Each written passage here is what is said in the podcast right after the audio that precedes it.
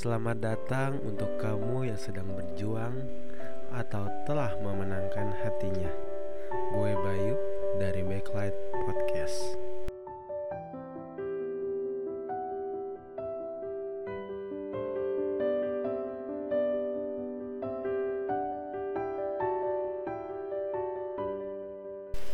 Hai, selamat datang di Backlight Podcast episode 2 Kali ini kita akan membahas tentang friendzone. Wis asik nih tentang friendzone.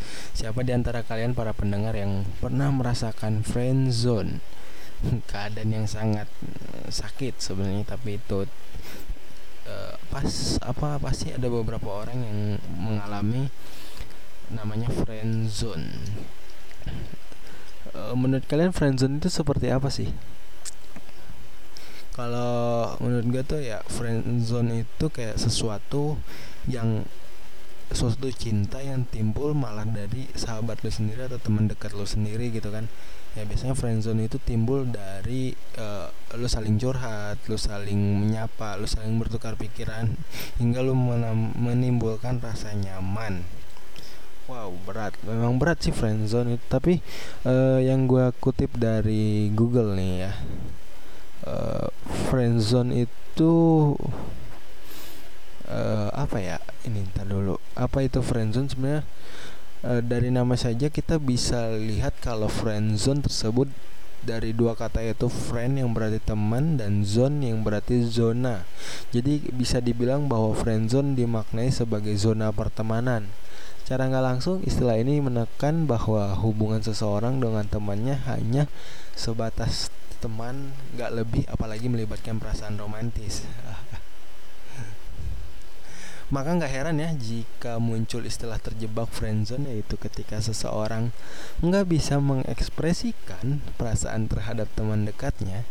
Jika orang ini memutuskan untuk menyatakan cinta maka salah satu resiko yang muncul adalah berakhirnya pertemanan mereka. Wow itu sangat uh, seram sekali.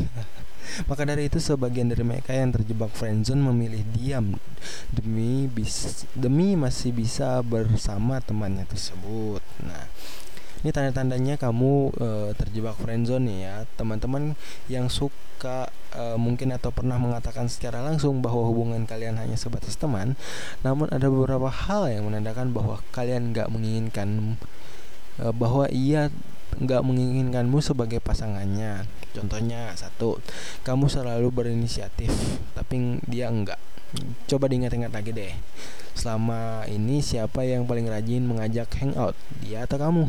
Nah, kalau kalian jalan bareng, ia akan berusaha mengajak teman yang lain untuk bergabung. Kedua, membicarakan perempuan atau laki-laki lain hati-hati ya. Kadang-kadang kita salah memaknai jika ketika laki-laki berbicara tentang perempuan atau sebaliknya di hadapan kita itu artinya ia sedang mengetes reaksi kita. Padahal padahal bisa jadi ia hanya ingin bercerita tentang perempuan yang ia taksir. Wow kamu kayak itu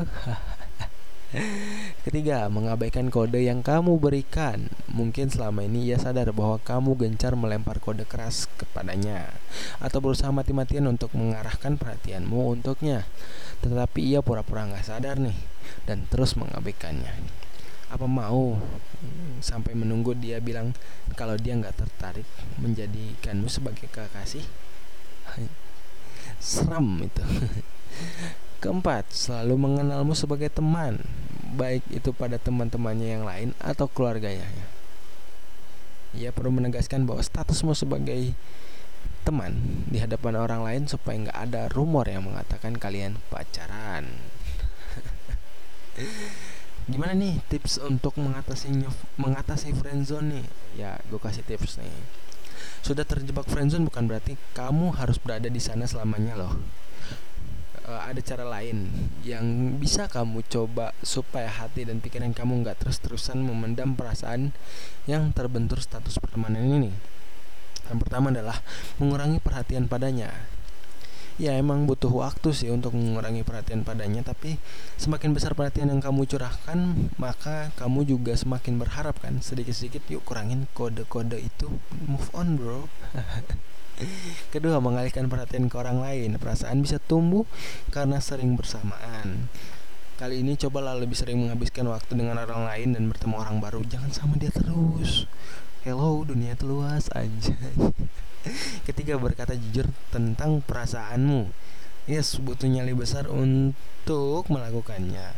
Tapi ini coba tetapi ini perlu dicoba jika kamu benar-benar lelah untuk memendam perasaanmu. Jika kalian sama-sama dewasa, maka pernya, pernyataan perasaan ini bisa dis, bisa disikapi dengan santai serta enggak merusak pertemanan kalian nih, gengs. Anjay. Nah, menurut kalian sendiri friendzone itu seperti apa sih? Kalau gua bertanya gue pernah di posisi friendzone gue pernah. Waktu itu gue menyukai salah satu teman gue uh, ini ada dua nih. Gue menyukai teman gue dan teman gue yang menyukai gue itu ada dua cerita. Pertama yang gue ceritain dulu yang gue menyukai teman gue ya. Jadi gue sama dia tuh sahabatan uh, udah lama uh, zaman sekolah gitu kan zaman sekolah gue udah pacaran. Ya jadi gue suka sama dia. Uh, gue berusaha untuk diem karena gue bilang gue berpikir gini kalau gue mengatakan ini takutnya hubungan pertemanan kita rusak gitu kan. Ya gue nggak mau dan akhirnya dia tahu sebenarnya perasaan gue cuman dia pernah bilang dia menegaskan bahwa kita ya udah temanan aja gitu baik lagian juga temanan siapa tahu kalau memang jodoh kita ditakdirkan jodoh nggak akan ke mana. Ya juga sih dan akhirnya kita berpisah juga karena gue pindah kota dia stay di Depok. Nah ini ada lagi nih ceritanya tentang temen gue anjir jadi gr gue tapi benar ini temen gue suka sama gue uh, hebatnya dia tuh dia bisa memendam rasa friendzone ini rasa suka dia itu hampir empat tahun mungkin. Jadi empat tahun setelah nggak ketemu gue gue pindah kan. Dia baru ngomong gue gue suka sama lu sebenarnya. Pots. tapi ya udah bilang gue bilang janganlah jangan suka sama gue gue juga mau fokus dulu ke karir fokus ke pendidikan dan lain-lain.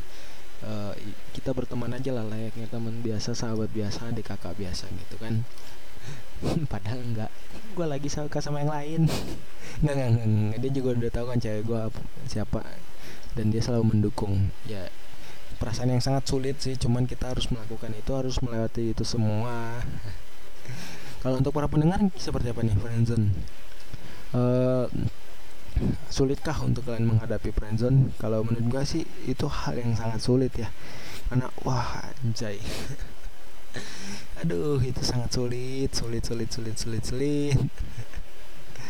Ya itu untuk uh, friendzone kali ini kita tidak panjang lebar dulu nanti sampai jumpa di podcast selanjutnya. Di akhir video ini gue ada yang menarik karena gue punya puisi itu bikinan dari temen gue namanya Nur Hayatun itu dia kemarin mendadak malam-malam ngasih puisi itu dan bilang eh, ini gue gue jadiin konten ya, ya oke. Dan diizinin sama dia dan nanti di ending video ini gue kasih puisi uh, friend zone. Selamat mendengarkan dan sampai jumpa di podcast selanjutnya. Dadah. Senyumanmu adalah hal terhangat yang pernah aku lihat. Lebih dari mentari pagi, aku merasa senang. Ada bait dalam setiap doa. Ingin kurangkul tubuhmu mendekap dalam senyuman pagiku. Kau tahu berapa pagi yang telah aku lalui? Berharap bibirku mendarat di keningmu. Setiap mentari terbit, ku hitung detiknya. Dengan harapan ini hanya sebuah ilusi. Dan aku pernah membiarkanmu masuk dengan hangat. Segala keluh telah ku ceritakan tanpa jeda. Hingga nyaman ini bersarang. Aku lupa kalau kita hanya sebatas sapa dan jeda.